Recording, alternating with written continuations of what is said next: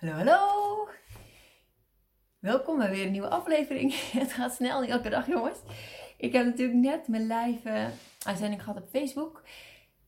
En dat, uh, dat was leuk. Ik heb daar een brief gedeeld en die wil ik eigenlijk heel graag nog een keer voorlezen. Dat die ook terug te vinden is op mijn uh, YouTube kanaal en mijn podcast. Want ik denk dat die een hele waardevolle uh, hele waardevolle informatie bevat. Ik heb het hier over de brief die door kinderen is geschreven voor ouders die in scheiding liggen.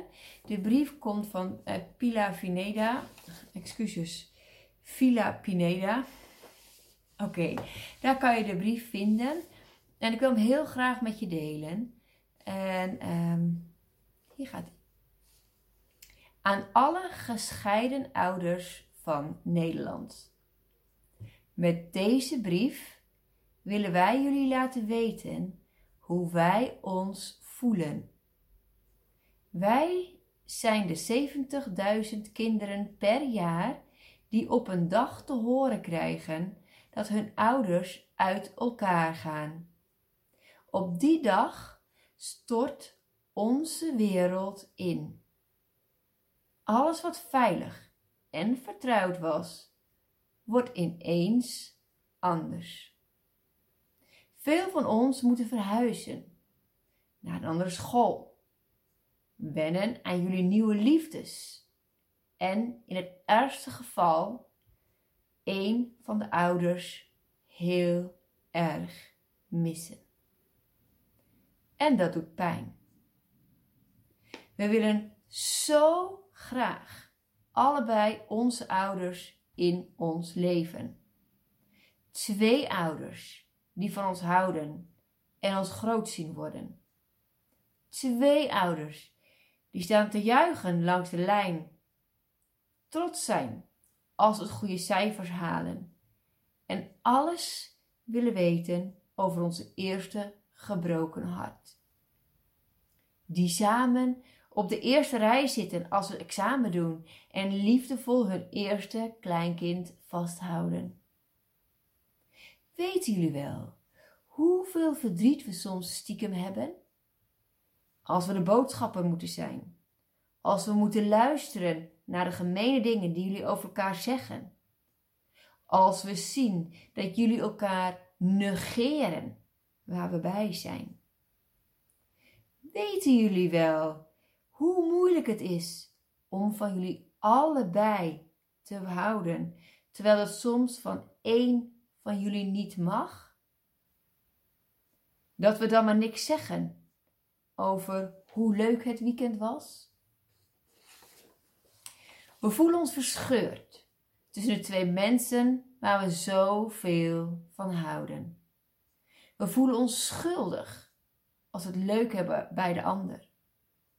We voelen ons verantwoordelijk voor jullie geluk. Meestal zijn jullie zelf na een tijdje weer gelukkiger. Maar voor ons is dat vaak niet zo makkelijk. Sommigen van ons houden er de rest van hun leven last van. Dus mogen we jullie een paar dingen vragen? 1. Laat ons alsjeblieft geen kant kiezen. 2. Maak geen ruzie waar we bij zijn. 3. Zeg geen slechte dingen over elkaar tegen ons. 4. Geef ons de tijd om te wennen aan de nieuwe situatie. 5. Luister echt naar wat we te zeggen hebben. 6. Geef ons de ruimte om van jullie allebei te houden. 7.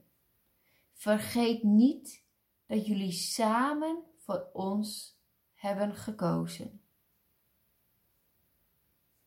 Een scheiding voelt als een veilig huis dat ineens helemaal verbouwd wordt. Muren eruit, nieuwe vloerbedekking, ander behang. Eerst is het één grote puinhoop. En dan komt er heel langzaam iets moois tevoorschijn. Laat ons rustig meeverven. En vraag ons wat we van het uitzicht vinden. Zo bouwen we met jullie samen aan een nieuw huis. Met hier en daar een barst of een kapotte dakpan. Maar wel warm, veilig en stevig. Een plek waar wij ons weer thuis voelen. De sleutel hebben jullie net gekregen. Nogmaals, als je nog een keertje wil lezen, uh, gewoon voor jezelf. Het is dus te vinden op um.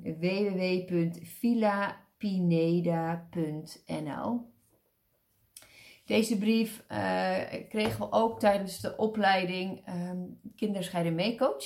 Daar doe ik nu aan mee. Ik heb morgen en overmorgen de laatste twee dagen en dan heb ik examen.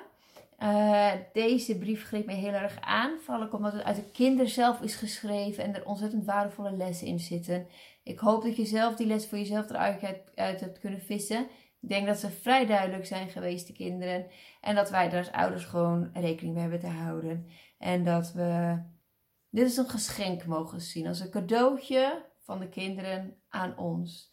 Doe je voordeel mee. Um, ja, dit was voor deze dag. Deze aflevering is nu klaar. En uh, ik spreek je morgen.